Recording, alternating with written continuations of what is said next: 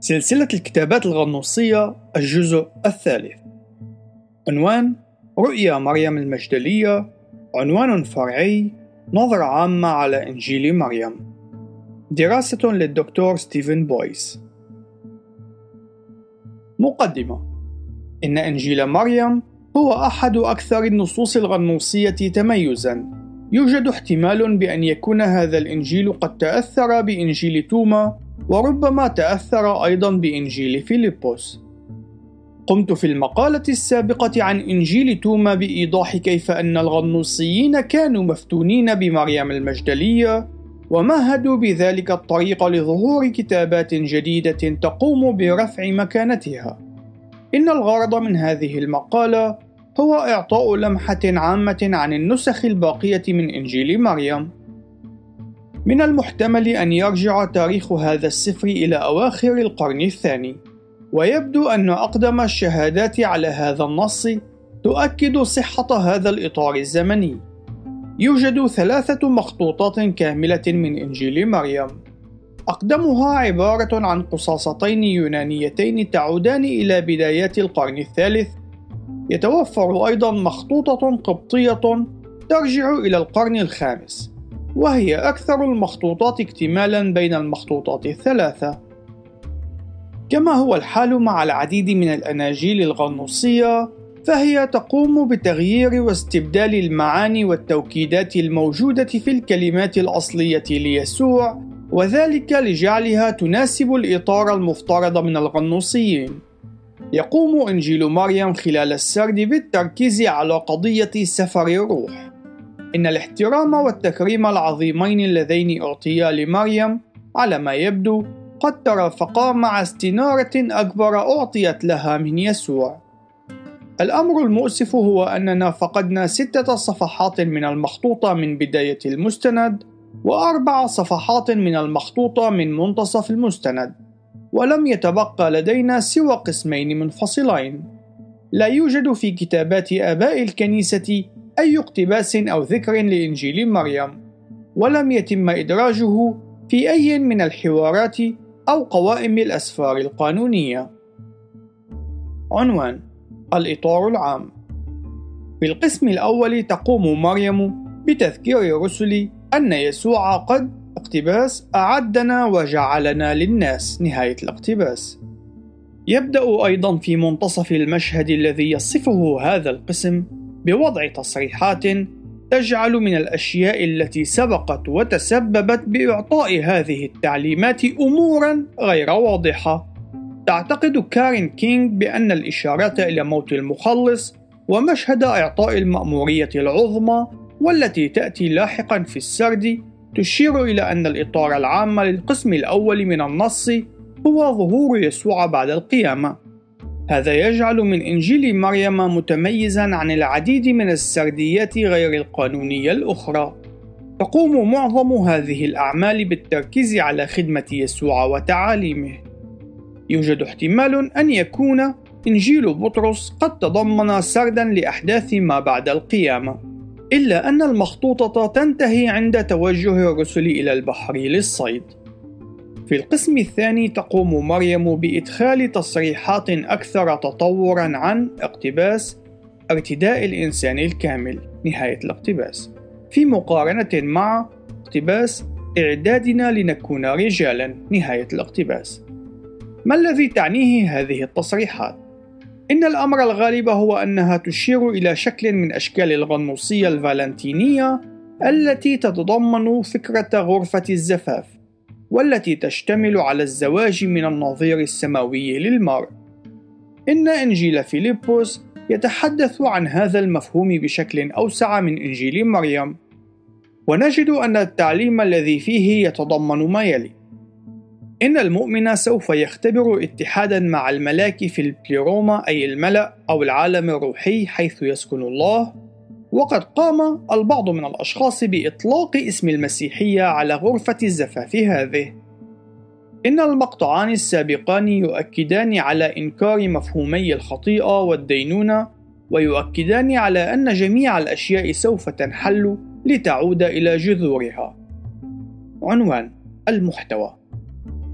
يمكن أن يتم تقسيم محتويات إنجيل مريم إلى أربع فئات منفصلة.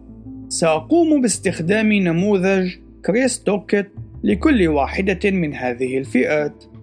أولا من القسم السابع العدد الأول وحتى القسم التاسع العدد الرابع.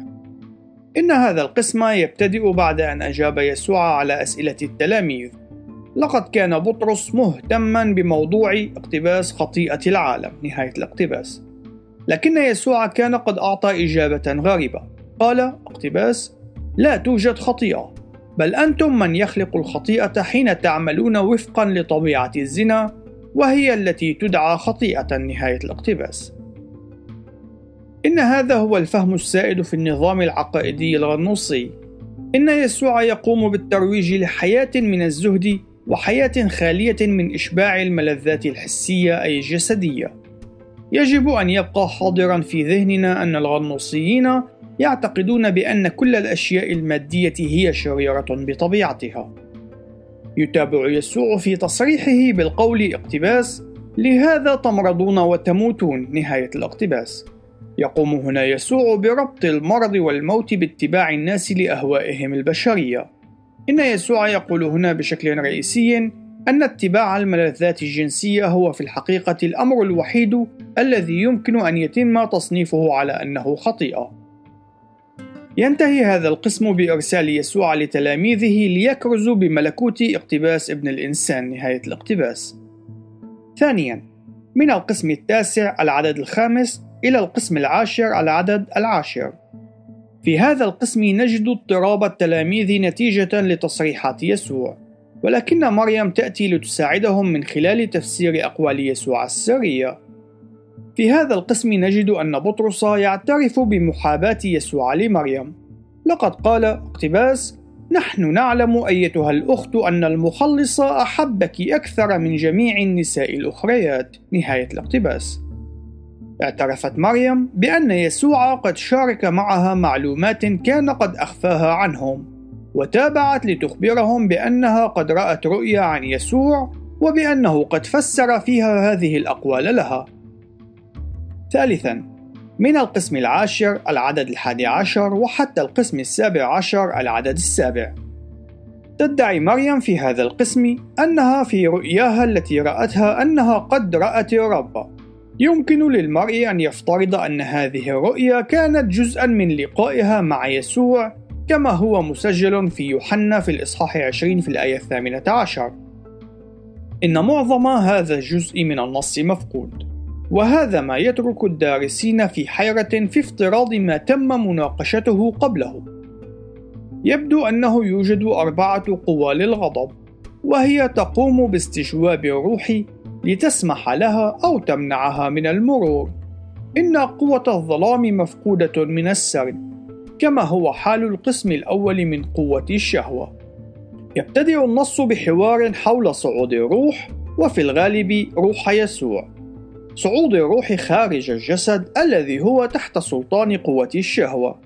القوة الثالثة هي قوة الجهل، وهذه القوة تأخذ سبعة أشكال هي: الشكل الأول هو من ظلمة، الثاني شهوة، الثالث جهل، الرابع غيرة قاتلة، الخامس مملكة الجسد، السادس حكمة الجسد الساذجة أي الحمقاء، السابع حكمة الغضب، لقد عبرت الروح بسلام من جميع هذه التجارب التي كانت تهدف لمنعها من الدخول. أجابت الروح على جميع الأسئلة بنجاح وفي النهاية وصلت إلى وجهتها في الراحة بصمت. إن التفسير الرئيسي لما سبق وذلك بحسب ما اقترحته كارين كينغ هو أن كلا من المضمون وبنية النص سوف يقودان الجمهور نحو هوية ذاتية داخلية وقوة وحرية الذات الحقيقية. سوف تتحرر الروح من سلطان الجسد المادي ومن الخوف من الموت. رابعا من القسم السابع عشر من العدد السابع وحتى النهاية. في هذا القسم يتحدى أندراوس مصداقية رؤيا مريم يدلي بتصريح مفاده اقتباس إن هذه التعاليم تبدو كأفكار مختلفة نهاية الاقتباس ويؤكد بطرس أفكار أخيه بتصريحه اقتباس إنه لم يتحدث مع امرأة دون معرفتنا أو برفقتنا علنا هل فعل ذلك؟ هل يجب علينا أن نتغير ونستمع إليها؟ هل فضلها عنا؟ نهاية الاقتباس لم يكن بطرس على استعداد لقبول فكرة أن يسوع قد يعلن معرفة إلى امرأة تاركا الرجال في الظلمة. إذ أنهم وبصرف النظر عن أي شيء آخر رسله المختارين. إن هذه المعلومات كانت قد حملت أهمية لهم لكي يعرفوها. تسارع مريم إلى الدفاع عن نفسها متسائلة عما إذا كان بطرس وأندراوس يعتقدان حقا أنها قد تكذب وتختلق هذه الأشياء. قبل أن يتمكن بطرس من الإجابة يقوم لاوي أي متى بتوبيخه على تهجمه عليها. من الجدير بالملاحظة أن لاوي لم يقم بتوبيخ أندراوس إنما كان بطرس وحده من تلقى التوبيخ. يجيب لاوي بعجالة مرة ثانية ليتهم بطرس بأنه اقتباس لطالما كان غضوبا نهاية الاقتباس. كما أنه اتهم بطرس بأنه كان يتعامل مع مريم كما لو كانت عدوا. على ما يبدو إن لاوي قد اعترف بأن العلاقة المميزة التي جمعت مريم مع يسوع كانت قد تجاوزت حدود اختباراتهم التي عاشوها معه. ونجده يصارح قائلا اقتباس من المؤكد أن المخلص قد عرفها بشكل جيد جدا. لهذا السبب أحبها أكثر من جميعنا. نهاية الاقتباس. إن هذا التصريح مثير للذهول ولا يمكن أن يتم تثبيته من خلال أي واحد من الأناجيل القانونية. إنه تصريح غريب حقا عن السرد الموجود في إنجيل لاوي أي متى. إنه يذكر مريم المجدلية ثلاثة مرات. وفي كل موضع يتم ذكرها فيه نجد ارتباطا مع النساء الأخريات اللاتي كن عند قبر يسوع. نجد في إنجيل مريم أن تحذير لاوي لأصدقائه كان بأنه اقتباس يجب علينا أن نشعر بالعار ونغطي أنفسنا بالإنسان الكامل ولندعه يتجذر فينا كما أمرنا هو ونبشر بالإنجيل دون أن نضع أي قاعدة أخرى أو شريعة أخرى غير تلك التي قالها المخلص. نهاية الاقتباس. على ما يبدو أن التلاميذ قد استجابوا بطريقة إيجابية لنصيحة لاوي ولكن يجب أن نتنبه إلى وجود اختلاف نصي بين النصين القبطي واليوناني. إن النص القبطي يقدم تصريحا مفاده. اقتباس. ابتدأوا بالانطلاق ليبشروا نهاية الاقتباس. أما قصاصة رايلاندز تقدم ذات التصريح بالشكل التالي. اقتباس ابتدأ بالانطلاق نهاية الاقتباس. هذا قد يشير بشكل تقريبي إلى أنه قد تم استبعاد أندراوس وبطرس من المسعى. عنوان مراجع الكتاب المقدس البارزة. يقدم هذا السفر في مناسبتين تصريحا من يسوع وهو اقتباس من له أذنان للسمع فليسمع. نهاية الاقتباس. يمكن أن يتم تتبع هذا التصريح إلى مواضع متعددة من العهد الجديد. ونجد أيضا أن يسوع يمنح تلاميذه السلام الذي يسجله يوحنا. اقتباس. سلام لكم. نهاية الاقتباس. ويلاحظ أن توقيت إلقاء هذا السلام يتوافق مع ما يرد في يوحنا في الإصحاح 20 في الآيات من التاسعة عشر وحتى السادسة والعشرين. إن التعليمات التي تأتي تاليا مشابهة لإرسال يسوع لهم ليكرزوا بالإنجيل. أما الحدث الذي يأتي تاليا في إنجيل مريم فإنه مختلف اختلافا جذريا من الناحية العقائدية. ولكن يمكن للمرء أن يرى بسهولة كيف أن كاتب إنجيل مريم كان يستخدم الإطار الذي قدمه يوحنا كنموذج أولي. إن التعليمات التي تلت كانت موجهة إليهم لكي لا ينخدعوا بأية معلومات كاذبة عن موضع سكن ابن الإنسان. قال اقتباس: لا تدعوا أي شخص يضلكم بالقول انظروا هنا أو انظروا هناك، لأن ابن الإنسان موجود داخلكم. نهاية الاقتباس. هذا يشكل سردا متفرعا عن لوقا في الإصحاح السابع عشر في الآيات من الحادية والعشرين وحتى الرابعة والعشرين إن التعليم الذي قدمه إنجيل مريم يفيد بأن ابن الإنسان موجود في داخلهم. إن إنجيل لوقا كان يعلم أن ملكوت الله في داخلهم. يسوع قد علم بأن المكان الذي سيجدونه فيه سيكون مشابها لمشاهدة البرق في السماء. أما إنجيل مريم فقد قام بالخلط بين هذين التصريحين المختلفين من إنجيل لوقا. الخلاصة: يوجد إشارات مرجعية أخرى إلى العهد الجديد، ولكن اللاهوت الغنوصي المتوقع متغلغل في كلمات يسوع. يجب أن يتم اعتبار إنجيل مريم غنوصيا في لاهوته وهرطوقيا بطبيعته. إن مريم المجدلية كانت قد ماتت قبل ظهور هذه الكتابة بفترة طويلة، وبالتالي فإنه يجب علينا أن نقوم بتصنيف هذا الكتاب على أنه منحول أي منسوب زورا، وذلك نتيجة لتاريخه ومضمونه. إنه يفشل في تحقيق الشروط الأربعة المطلوبة من السفر القانوني، وها هنا الشروط الأربعة وأسباب وضعها. أولاً الصفات الإلهية. يخالف هذا السفر في تعليمه عن الشر التصريحات الإلهية الأصلية، إن النص الغنوصي يقوم بإظهار التعليم المشترك بأن كل المادة هي شر، لكن الكتاب المقدس يعلم بأن الله يصنف الشهوات والرغبات ضمن فئتين، وهما الأشياء التي يتم ممارستها وفق مشيئته والأشياء التي تتم ممارستها خلافا لمشيئته. يوجد إطارات محددة يؤطر فيها الله شهوات ورغبات الإنسان على أنها صالحة. ثانياً، التتبع رجوعًا إلى رسل. لا يوجد سجل تاريخي يرجع هذا السفر إلى أي مصدر رسولي. إن هذا السفر يرجع إلى تاريخ يلي وفاة الرسل بعدة سنوات. ثالثاً، القبول الجماعي من الكنيسة. لم يتم تلقي هذا السفر أو إعادة توزيعه من الكنائس.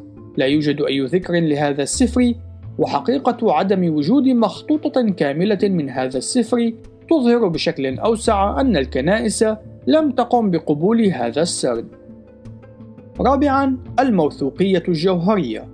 إن البيانات الداخلية الموجودة في هذا السفر تظهر تعارضا بعضها مع بعض في مواضع مختلفة.